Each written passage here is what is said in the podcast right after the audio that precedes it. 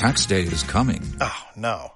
But if you sign up for Robinhood Gold's IRA with a 3% match, you can get up to $195 for the 2023 tax year. Oh, yeah. Sign up at Robinhood.com slash boost by tax day to get the biggest contribution match on the market. Subscription fees apply.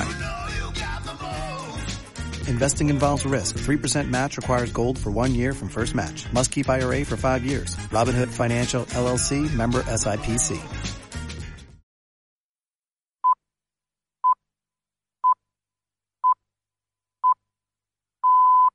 Doblatge. Aberració o forma d'art. Instrument de manipulació o d'ensenyança. Invent del franquisme? Qui vos parla és un actor de doblatge frustrat que veu les pel·lícules en versió original. La coherència de les coses no sempre s'entén amb un simple cop d'ull. Veus que tapen altres veus per a bé o per a mal. Llengües hegemòniques enfront d'altres silenciades. Una adaptació sonora arrelada a Espanya i que a València, fins no fa tan poc, també sonava en valencià. Parlarem del mite aquell que, sense doblatge, tothom seria bilingüe. Recordem-ho, les llengües s'aprenen i s'estudien, així com altres formes d'entendre, literalment, l'adaptació lingüística del cinema arreu del món. Avui parlem del doblatge, història, usos i necessitats des d'una visió crítica i pedagògica, fugint de la polarització d'aquells que diuen «El doblatge és una merda! Es carrega la pel·lícula!» i els altres que contesten «Si vull llegir subtítols, agafe un llibre!» Parlar del doblatge a la ràdio, sense imatges, és com parlar de l'olfacte amb els ulls. Però tranquils, tot i això, pareu l'orella i feu volar la imaginació. Comencem.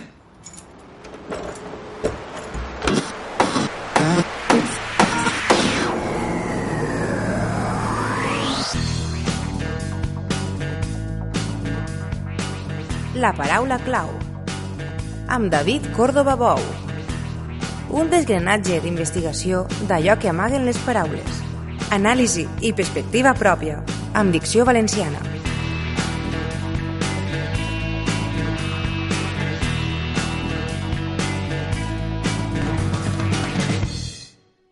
Primera dècada del segle XX. El cinema era mut.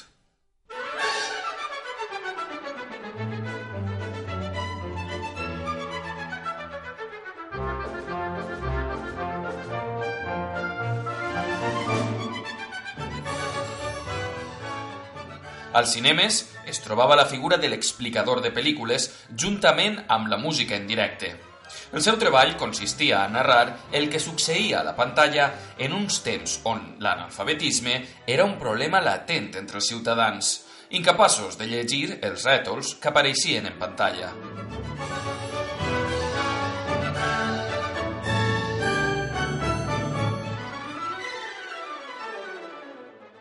La primera pel·lícula amb diàleg, va marcar la fi del cinema mut, va ser El cantor de jazz, estrenada a l'octubre de 1927.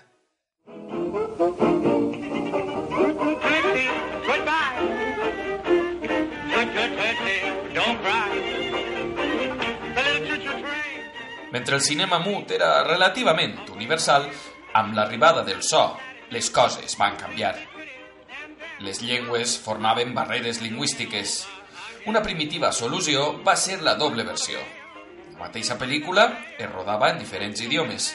Aprofitaven els mateixos decorats dels estudis i, a voltes, fins i tot els mateixos actors, encara que no era sempre així, i la gent volia veure a Catherine Hepburn o a Gary Cooper i no a un grapat d'anònims.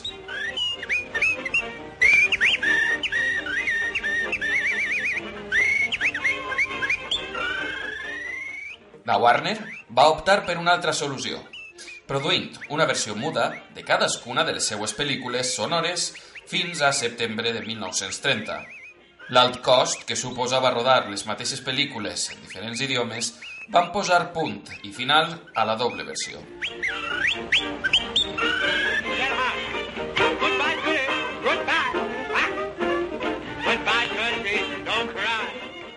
El so era imparable i va ser llavors quan el doblatge apareix com a interpretació artística. En 1929, les grans productores nord-americanes van començar a doblar les seues pel·lícules.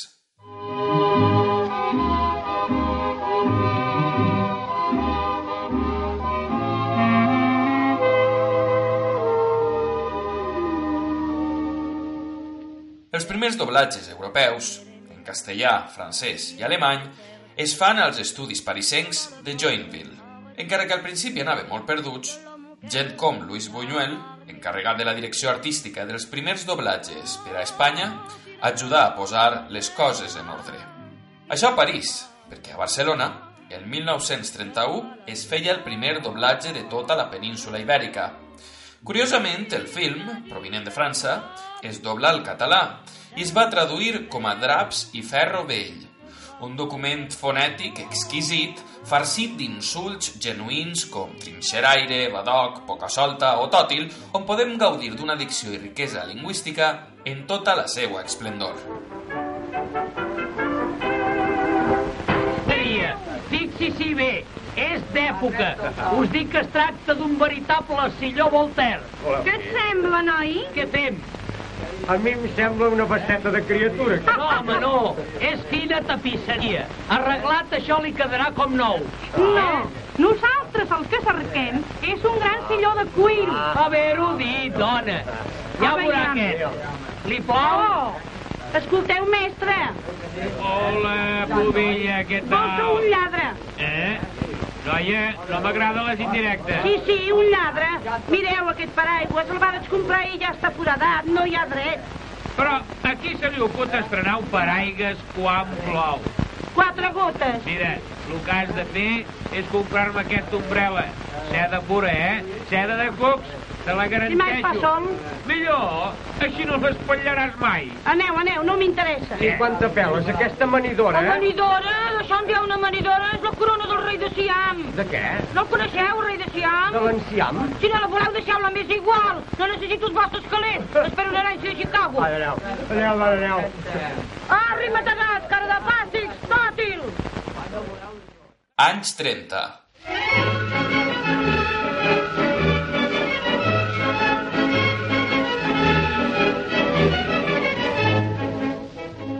Europa pateix una inestabilitat molt preocupant que farà esclatar la Segona Guerra Mundial. Conseqüentment, la indústria del cinema europeu també es va veure afectada. En països amb règims totalitaris, la ideologia afectava la indústria cinematogràfica. Aquesta ideologia classificava a l'anglès com una amenaça contra la identitat nacional.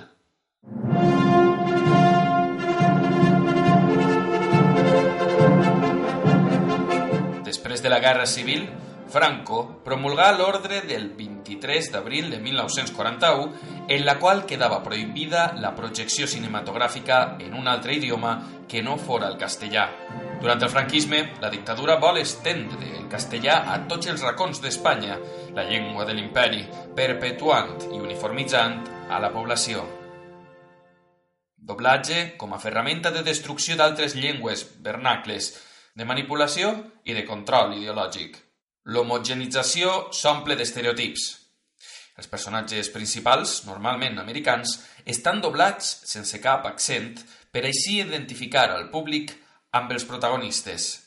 Els criats d'un dels doblatges emblema que marcarà la teatralització de les veus, Gone with the Wind, lo que el viento se llevó, ens demostra com els criats parlen amb accent cubà per denostar la seva posició social en l'adaptació espanyola.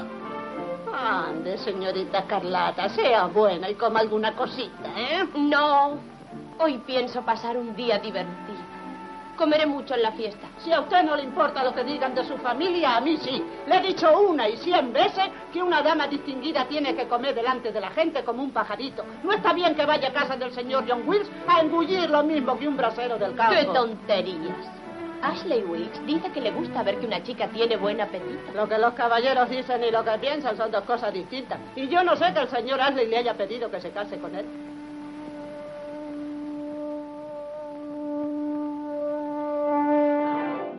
La censura no es conformava a aniquilar metres i metres de llargmetratges, sinó que, a més, modificaven els diàlegs, com poden ser les relacions sentimentals a Mogambo o a Casablanca, on Humphrey Bogart, que va lluitar amb la Segona República Espanyola, però que, segons el doblatge original d'Espanya, ho va fer per evitar l'annexió d'Alemanya. Comprovem l'original i el redoblatge. En 1935 introdujo armas en Etiopía. En 1938 luchó como pudo contra la anexión de Austria.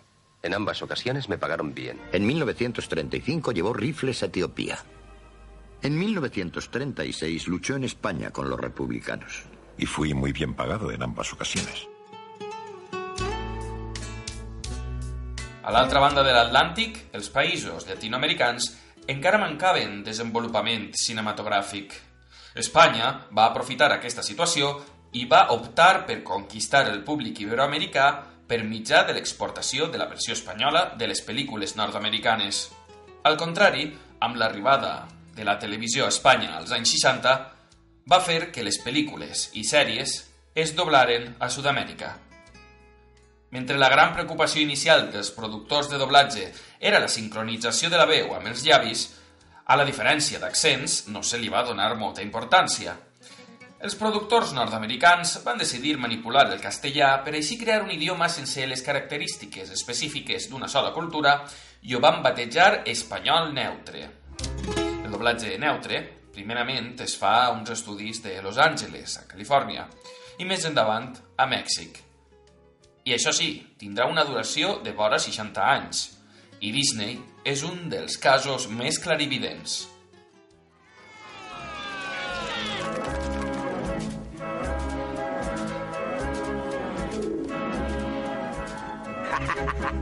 Hubo genios que crearon maravillas mundiales y otros que estaban en los titulares. Hubo quien construyó monumentos sin par que a los londinenses los hacen llorar. Pero hay un genio mayor, malo, perverso y mejor. Allá en el pasado, delitos menores, pero ahora mayores serán. Y aún más crueles, feos, perversos, de mi gran mente saldrán. Eso es cierto, muy cierto. Peores serán que a inocentes roban. Tú, del crimen el rey serás. Por Radigan, por Radigan, el gran rey es él. Por Radigan, por Radigan, el delincuente más cruel. No va ser fins 1991, amb l'estrena de La Bella i la Bèstia, que Disney va deixar de doblar a l'espanyol neutre i va optar per una versió llatinoamericana i una altra castellana. Segons sembla, i segons estudis, no va tenir molt d'èxit a causa de que els espectadors no es relacionaven massa amb ell, sonava massa estrany i poc natural. Ara vull obrir un parèntesi fent un al·legat per la inclusió. Mentre internet està ple sobre qui és millor, el doblatge castellà d'Espanya o el castellà fet a Iberoamèrica, vull tornar als temps on l'espanyol neutre era el rei dels dibuixos. Disney, la Warner, Hanna-Barbera distribuïen dibuixos per a tots els castellanoparlants en un acte inclusiu absolut. Però per què parle d'inclusió? Bé, per casos com el de Florencio Castelló Sánchez, actor sevillà exiliat a Mèxic.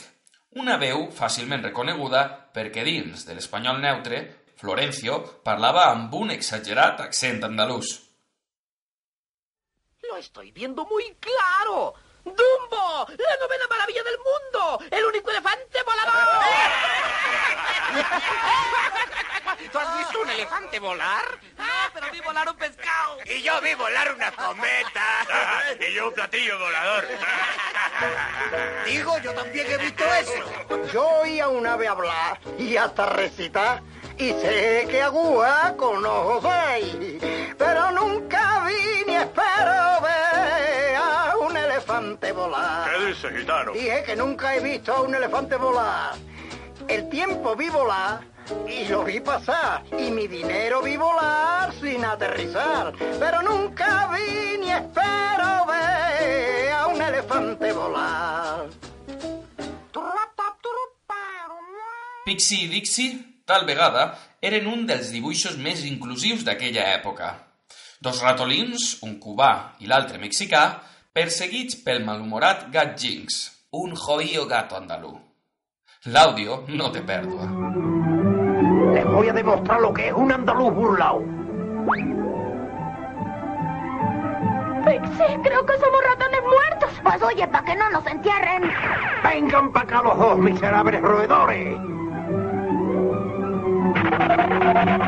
Ajá, los tengo acorralados, ratoncillos de cartón. Díganme ahora, catapón, granujilla. Lo dijimos de a mentiritas, Jinx. sí, sí. Pues no que ustedes los inventantes tienen sentidos del humor. Ya ustedes no podrán escaparse más de mí metiéndose en este agujerito que los dos han abierto en la pared. Ahora soy lo suficientemente pequeño para poder meterme aquí. Es más, soy más pequeño que ustedes. A hores d'ara, l'estereotip d'inculte quan es dobla en castellà està tristament associat amb l'andalús. ¡Brandine! ¡Estamos en guerra otra vez con los Escobar! Entonces ya no puedo cotillear con la Mari. ¡Ea! ¡Pues sí! Amb la mort de Franco i l'aparició de més canals de televisió, TV3 torna a doblar en català. Un homenot d'Albacete, que només passar un càsting començar a doblar, ens va deixar meravelles com aquesta. Parle, naturalment, de Darth Vader, Constantino Romero. Beata Maria, ja saps que sóc un home bo, tinc l'orgull de dir-me bon cristià. Beata Maria, ningú no hi ha més pur que jo, en mi no trobo rastre de pecat. Doncs digue'm, Maria, què pretén ballant així?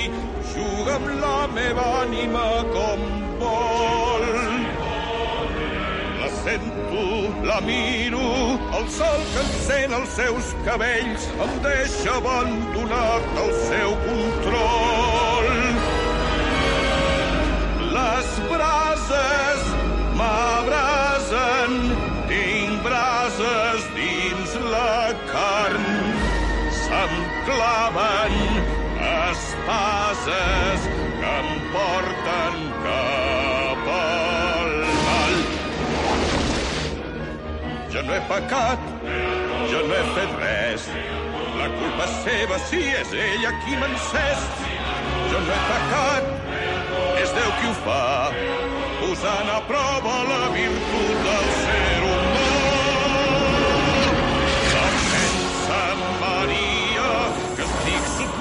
seu govern. No veus que se m'està cremant el cor?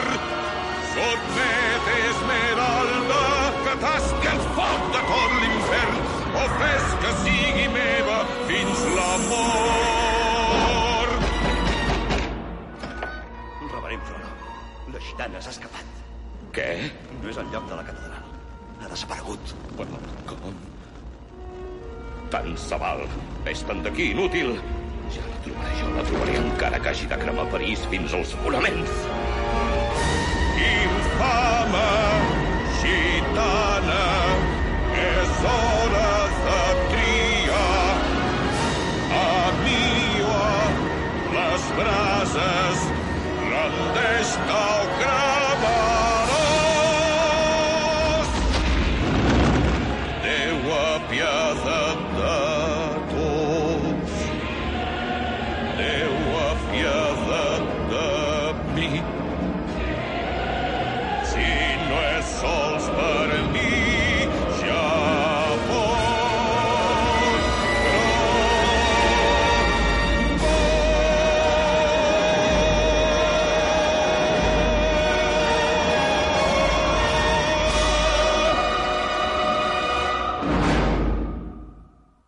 Més tard entrarà en joc el doblatge en valencià, amb tal rellevància social que farà sentenciar a més d'un allò de Goku de bola de drac ha fet més pel valencià que cap professor d'escola.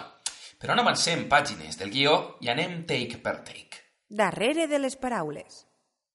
Però i què ocorre arreu del món? Al món conviuen la versió original, amb subtítols, el doblatge i el lector. Els subtítols ens mostren el cinema en la seva forma més pura, però els ulls que lligen perden informació visual. Més endavant parlarem sobre l'aprenentatge de llengües i els subtítols. El doblatge, agrade més o no, és inevitable per als xiquets. Els agents de la CIA Mortadelo i Filemón, en la seva versió anglesa, passen a dir-se Morth i Phil, sense que Ofèlia es senca ofesa.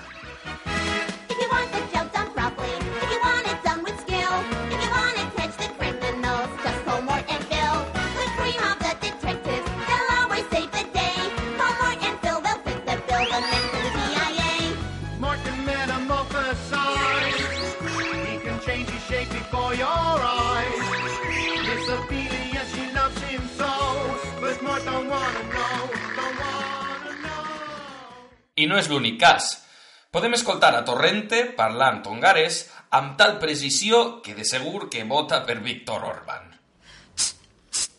Cheneta, Cheneta. Cheneta, ahora aquí. Ay, ¿Qué, qué mierda es esta? Cerdo dulce. ¿No le gusta? ¿Cómo va a gustar? Si esto es corteza con mermelada. Anya. Csi- csi- Csillagom, csillagom, gyere ide, anyukám, gyere! Mi ez? Mi ez a moslék? Édes savanyú sertés, nem ízlik? Hogy ízlik-e? Olyan, mint a lekváros fakéreg. Així com la versió original, el doblatge també pot servir per aprendre i reforçar llengües. En aquest cas, sense mitjans de propagació i minoritzades de la societat, com pot ser aquest Hakuna Matata en quechua.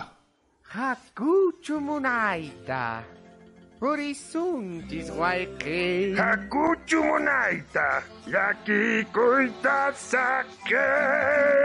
Yaki take papi, sake abunaiki. Kausa kunanchis, yachas. Hakuchu munaita. Hakuchu munaita.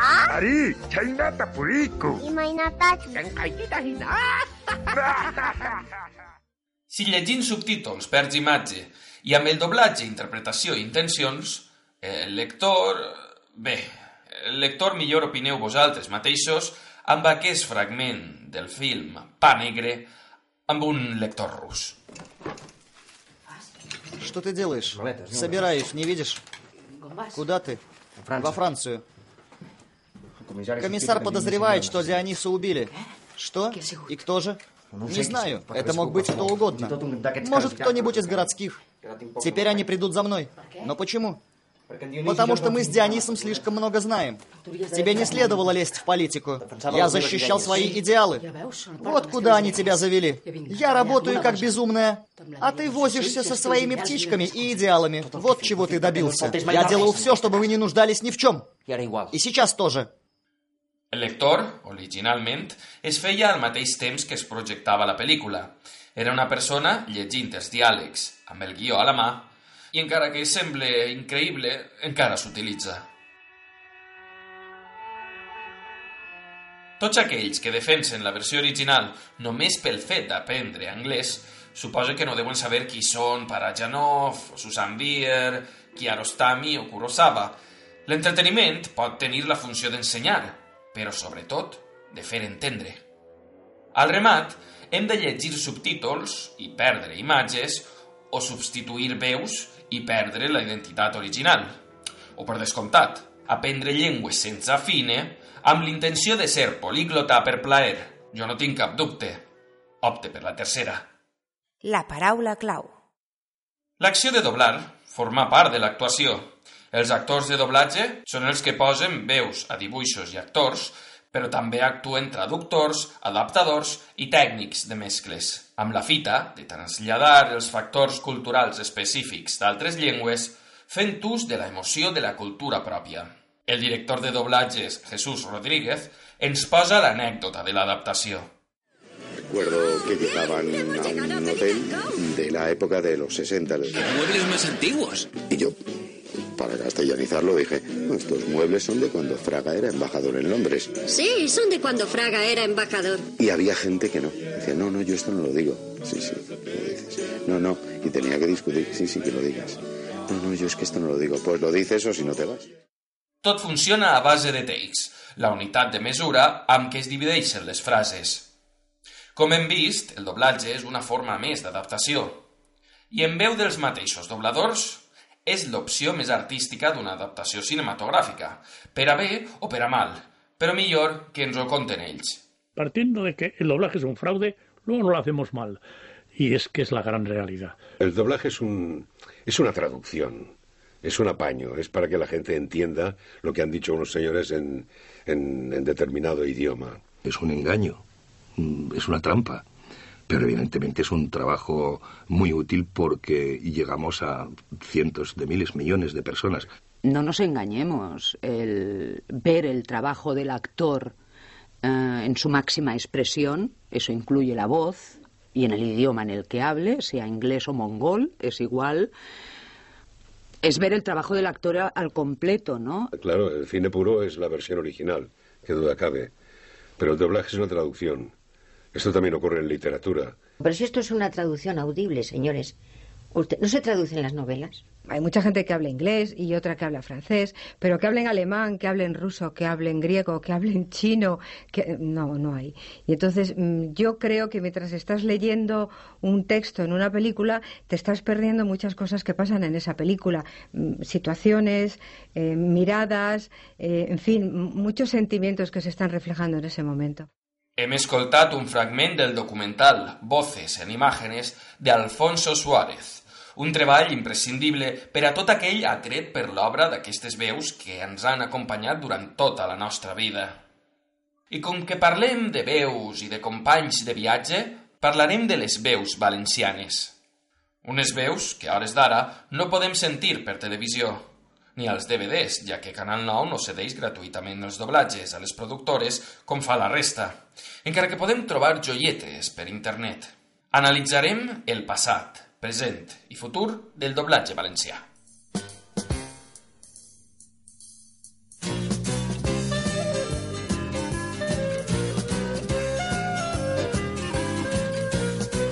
Vos diré amb bones raons que manar no me convé en la terra dels mamons perquè respecte no tinc ni a les lleis ni a institucions perquè és denigrant manar. Entre gent que està propensa a buscar sempre el dinar, el sopar i el berenar en política despensa. I mentre es clava la dent en el plat del pressupost el pobre contribuyent menjar prou de calent ni palí queda en la por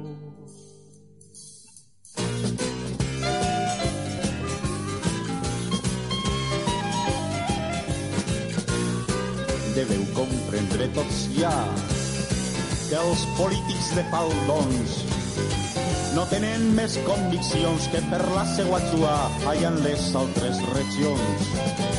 Mollicots com garrofins i en polítiques intrigues.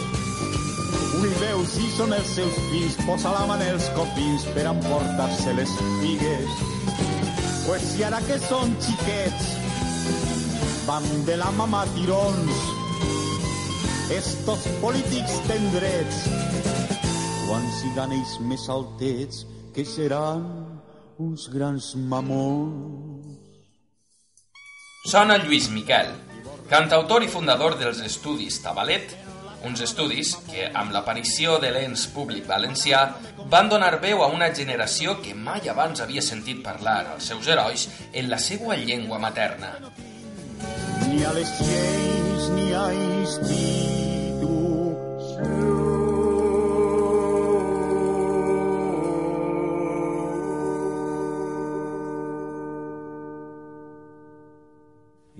must remember this.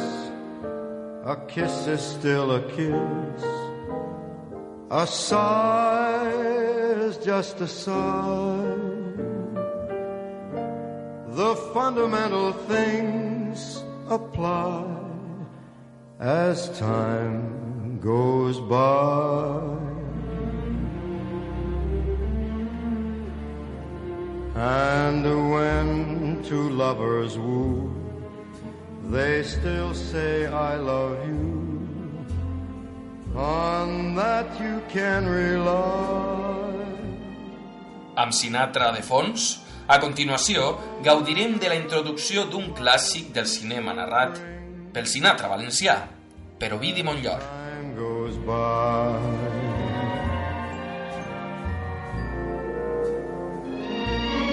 Amb l'esclat de la Segona Guerra Mundial, molts ulls de l'Europa captiva es van girar amb esperança i desesperació cap a la llibertat que Amèrica representava. Lisboa era el punt de partida més important, però no tots podien arribar allí directament. Per això va néixer una tortuosa i complicada ruta de refugiats, de París a Marsella.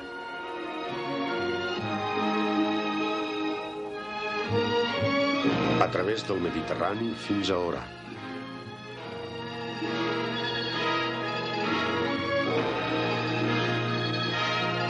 Després, en tren, en cotxe o a peu, per la costa africana fins a Casablanca, en el Marroc francès. Així els afortunats, amb diners o influència, podien obtindre un visat a Lisboa, la porta d'accés al nou món. Però els altres esperaven a Casablanca. Esperaven, esperaven, esperaven. Ovidi, com moltes coses que vindran després, va ser vetat pels directors de Canal 9 i no tornarà a doblar mai més. Els Corleone ho tenien tot sota control.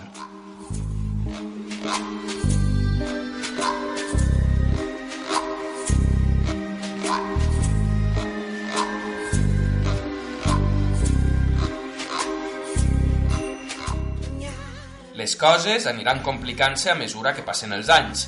Mentre TV3 va apropar el català a molts sectors que no el tenien com a primera llengua, una part del públic valencià rebutjava escoltar a Marlon Brando en la seva pròpia llengua, el clàssic autoodi de llibre. Però, tot i això, la producció no s'aturà, com ho demostra el doblatge del Padrí, on Juli Mira fa de Brando. Algun dia, i pot ser que aquest dia no arribi, acudiré a tu i hauràs de servir-me.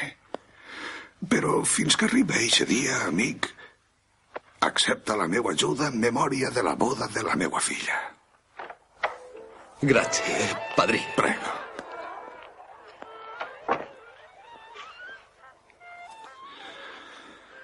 Eh, que s'encarregui d'això Clemença.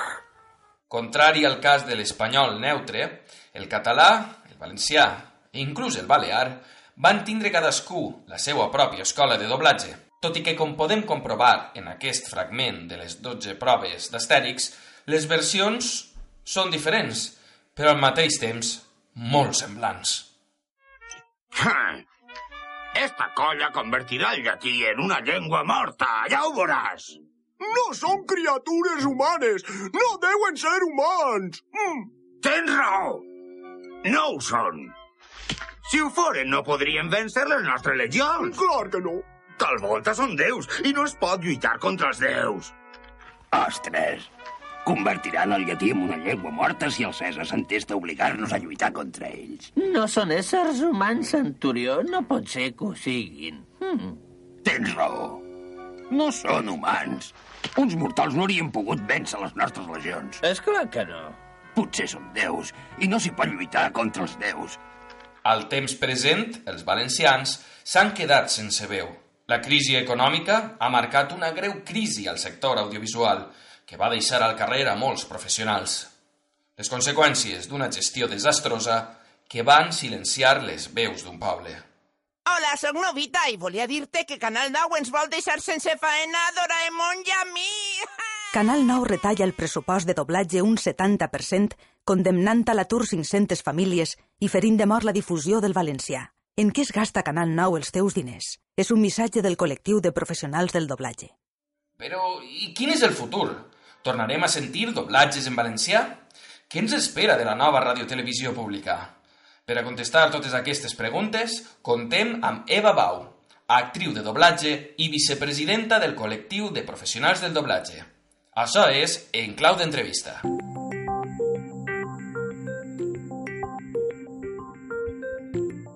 En clau d'entrevista.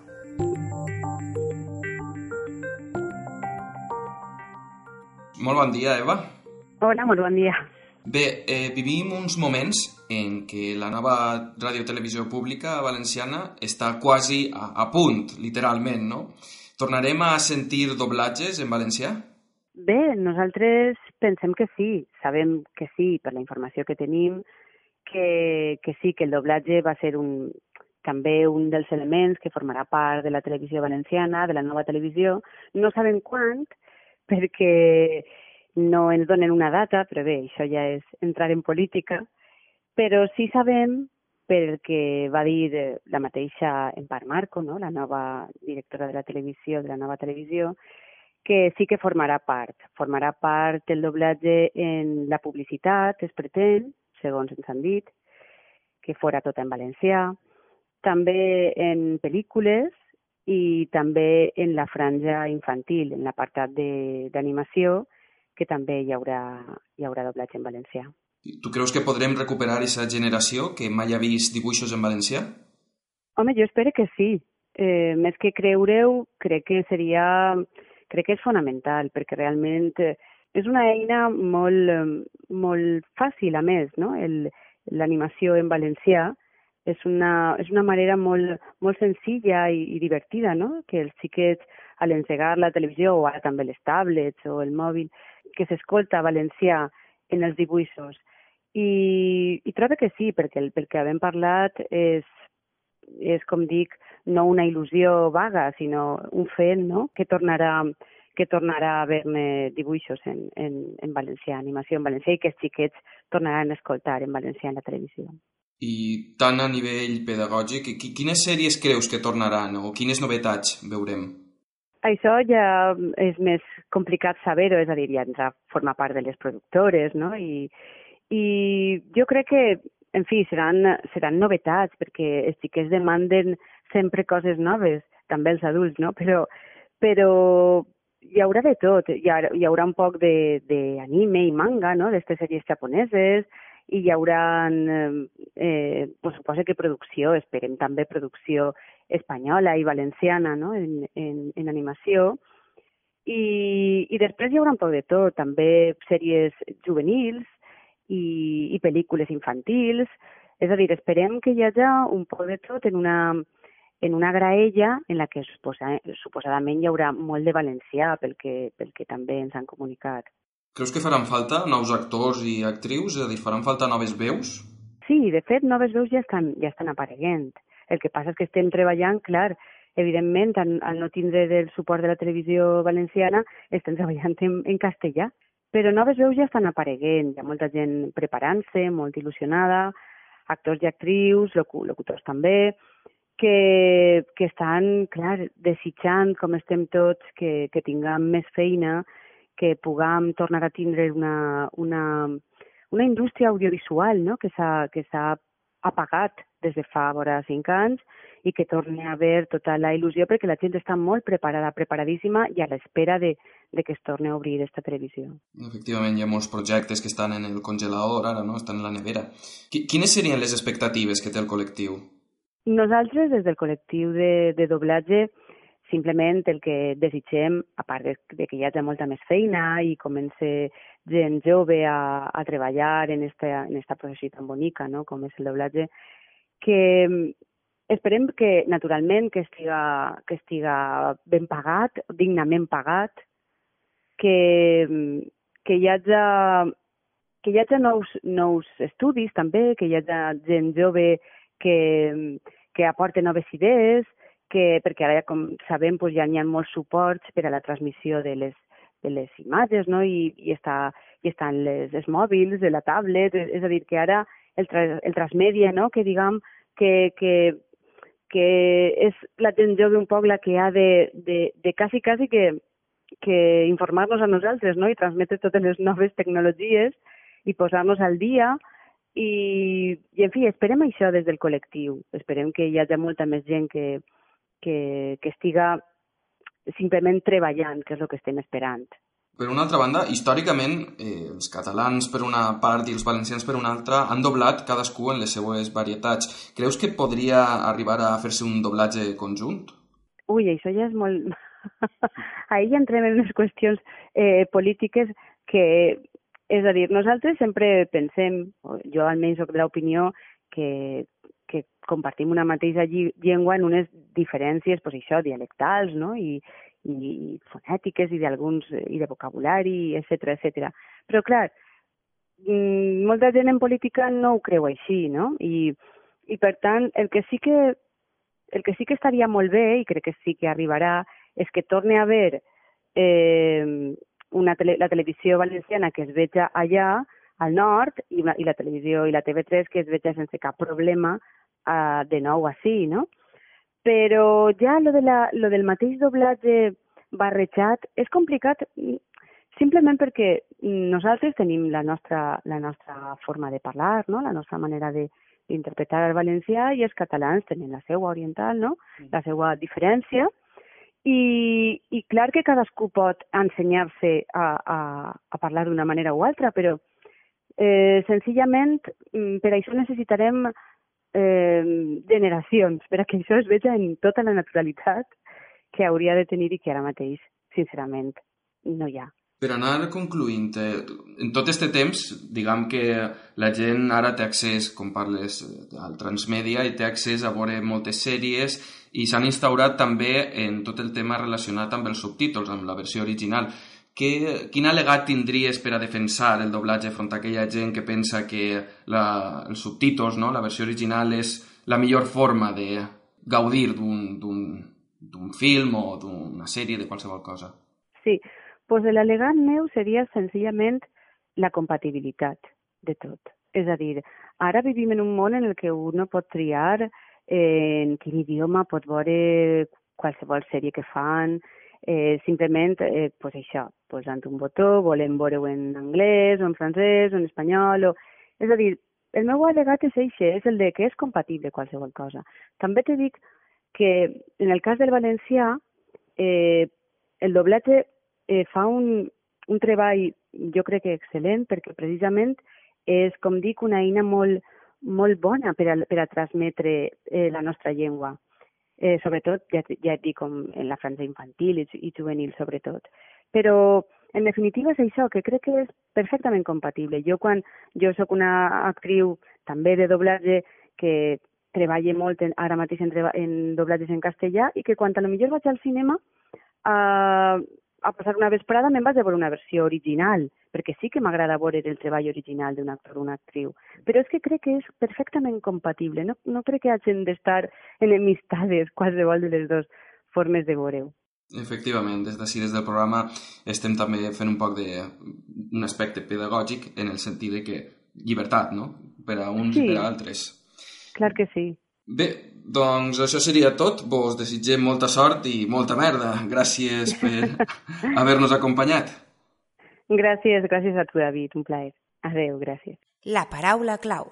Un mal doblatge fereix de mort una producció. Un bon doblatge marca una societat i l'ensenya a parlar.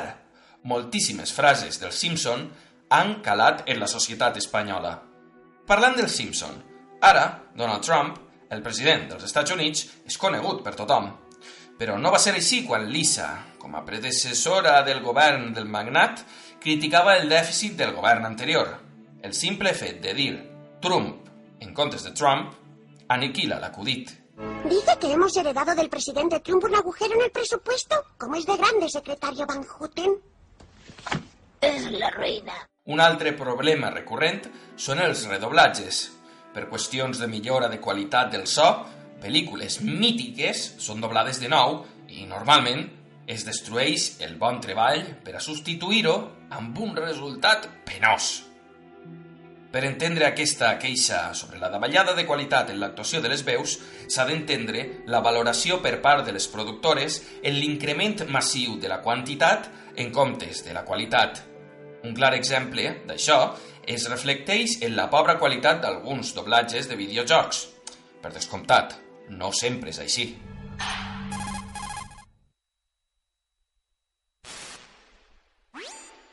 Metal Gear. No es posible.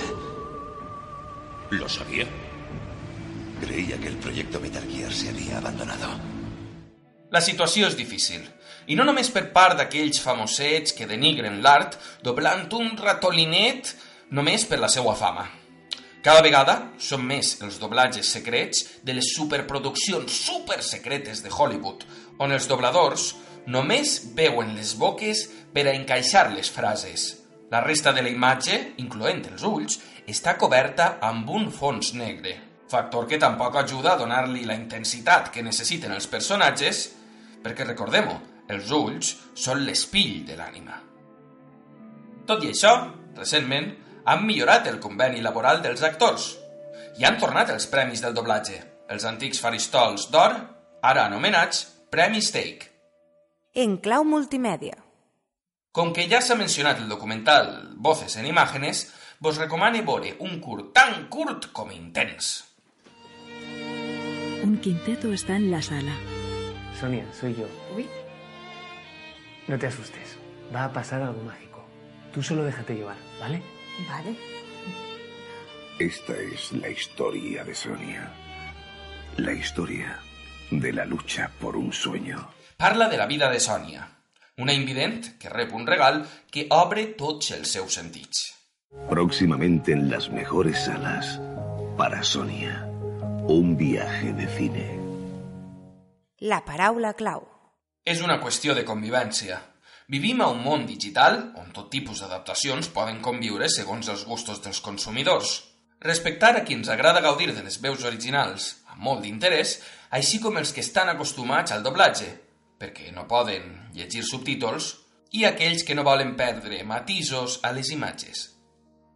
Cal enfortir i recolzar el doblatge en aquelles llengües silenciades i minoritzades, perquè exercixen una important funció pedagògica a nivell fonètic i normatiu. Si bé és cert que els països on empren subtítols estan més preparats que aquells on el doblatge està instaurat, cal entendre que les llengües amb més parlants sempre trobaran la dificultat d'aprendre noves llengües a causa de l'hegemonia cultural que aquestes tenen incloses socialment. Dir que els portuguesos parlen molt bé anglès, sense anomenar el vincle cultural amb el Regne Unit, així com parlar de països nòrdics amb la mateixa situació, sense posar en relleu les relacions socials i la influència directa de l'idioma global en els seus parlants, és fal·laç. Les llengües s'aprenen treballant-les, no pel fet de veure en versió original Twin Peaks. Primer, seria qüestió que Espanya s'acceptés lingüísticament per a poder fer seues altres llengües del món. No podem demanar a una societat que parli anglès quan encara no és capaç de dir Jordi Pujol correctament. És com els nord-americans que diuen que parlen Spanish, però només saben dir quiero uno dorito. Inevitablement va lligat amb l'extensió idiomàtica. Un eslové o un danès parla més llengües per necessitat. No perquè allà dinen llengües de vaca, que també. L'animació necessita veus i adaptacions segons els diferents registres del món perquè tots els infants valoren les seues eines de comunicació com el que són, formes d'entendre el món. Amb una veu de luxe tanquem el programa. Pep Mediavilla, més conegut com la veu de Morgan Freeman o Gandalf, ens narra la llegenda del Puig Campana, una llegenda popular de la Marina Baixa que no puc deixar de compartir. En tiempos remotos vivía en la sierra un gigante llamado Roldán. Era el dueño y señor de aquellos solitarios parajes que él recorría libremente. Se había construido una tosca cabaña para guarecerse cuando las incidencias del tiempo así lo exigían. El poderoso Roldán era indiscutiblemente el rey del Campana. Cuando los animales feroces le acosaban, le bastaba dar un par de zancadas para ponerse a salvo. Y con la misma facilidad llegaba hasta las tranquilas aguas del mar en los calurosos días del estío. Nuestro héroe vivía satisfecho y despreocupado en este privilegiado rincón. Pero, a pesar de todo, no era Roldán un ser alegre, sino más bien parecía taciturno, casi triste. Vagaba errante y solitario en busca de algo que le faltaba a su vida, en busca de algo que le explicara su razón de ser.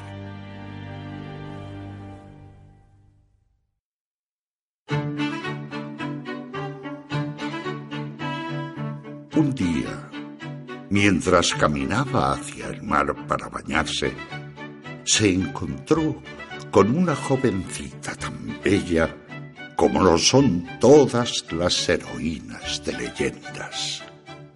Estaba jugueteando con el agua y al percibir la presencia del intruso se volvió rápidamente. Sus ojos, de un azul profundo, le miraron con curiosidad, pero sin temor. Y con ese gesto eterno de inconsciente coquetería, le ofreció agua en el cuenco de sus blancas manos. Rió la joven suavemente y rió el gigante con una carcajada tan poderosa que hizo estremecer a la montaña.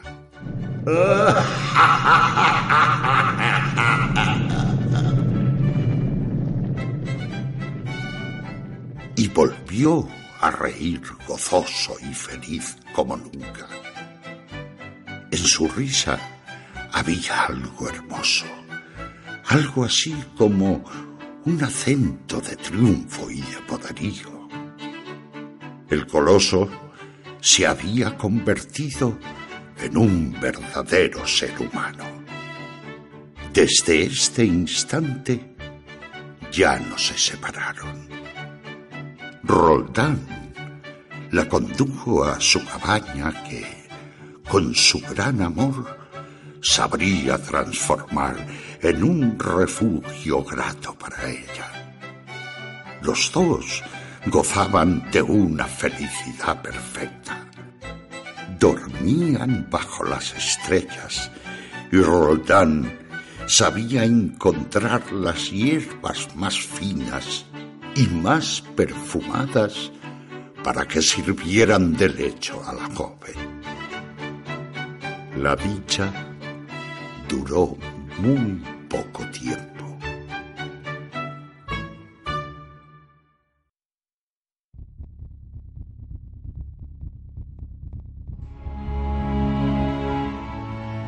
Un día en que Roldán volvía a su cabaña contento y confiado, le salió al encuentro un extraño ser, una sombra más bien de la que se desprendía algo siniestro y maléfico.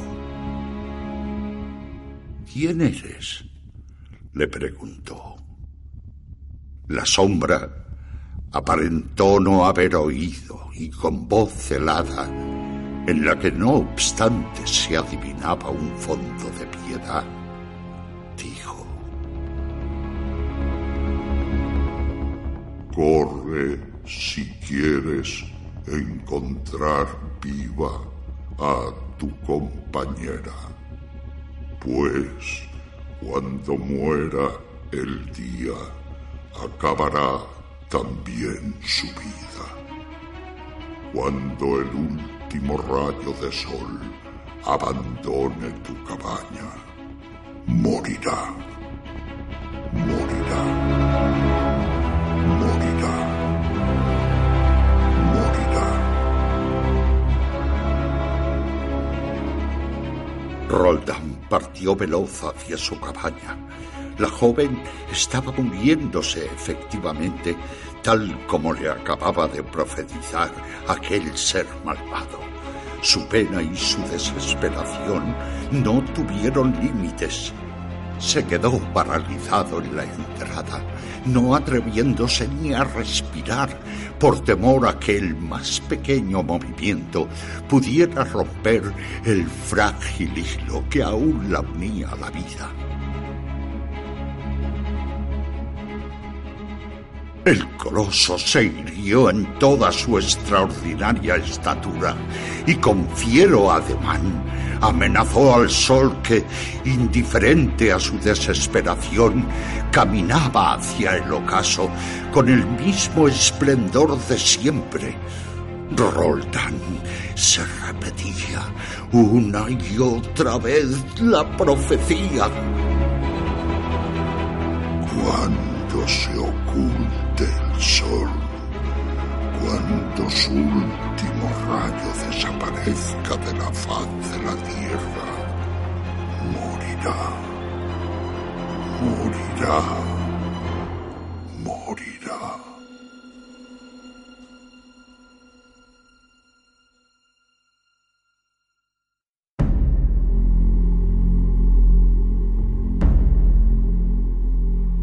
Sol se iba hundiendo cada vez más detrás de la montaña.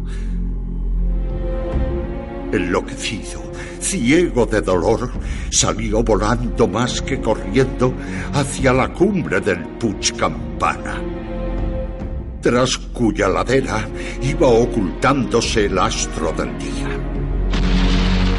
De un furioso puntapié, arrancó un enorme pedazo que salió por los aires y fue a caer al mar.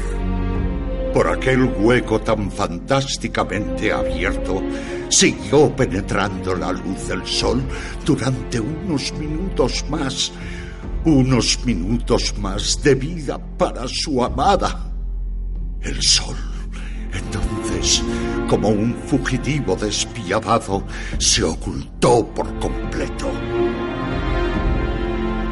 Y la muerte cerró para siempre aquellos ojos tan bellos.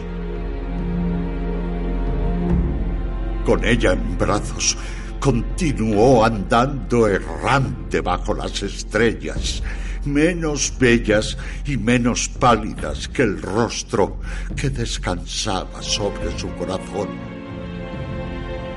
La salida de la luna, marcando una estela luminosa en el mar, atrajo su atención. Hacia allí se dirigió entonces como un sonámbulo, quién sabe si con la loca esperanza de que aquella luz que la diosa de la noche derramaba sobre el agua pudiera devolverle la vida a la niña rubia que parecía dormida. Con los ojos fijos en el disco de plata, llegó hasta la playa. Penetró en las aguas, siguiendo siempre aquel camino fosforescente cuya claridad le permitía contemplar otra vez el rostro amado. Nuestro héroe caminó hacia el fondo del mar, llevando siempre en alto el cadáver hasta que su marcha se vio detenida por la isla recién nacida.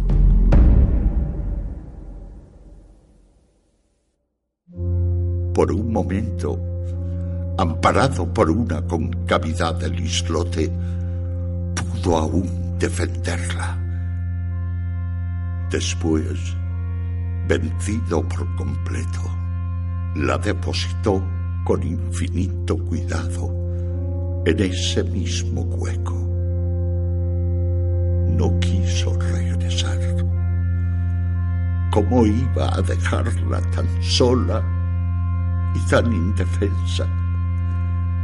Se abrazó a ella para con su cuerpo seguirla amparando y protegiéndola por toda la eternidad.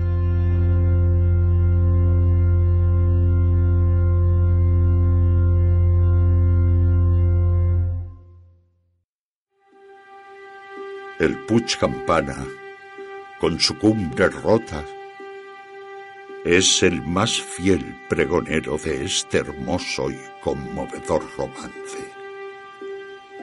Y lo mismo la sierra que la isla nos demuestran que ni aun las piedras son insensibles a la fuerza avasalladora de un gran amor.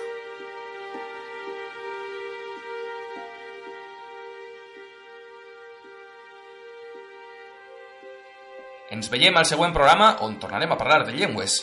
De fet, de la llengua de les llengües. Parlarem de l'esperanto.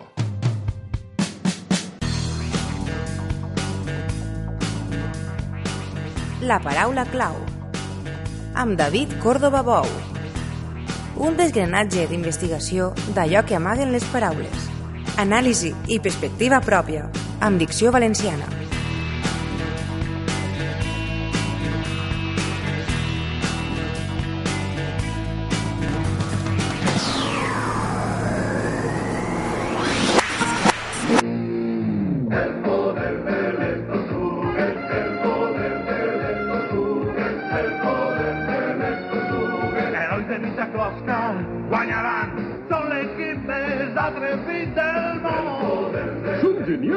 Ah.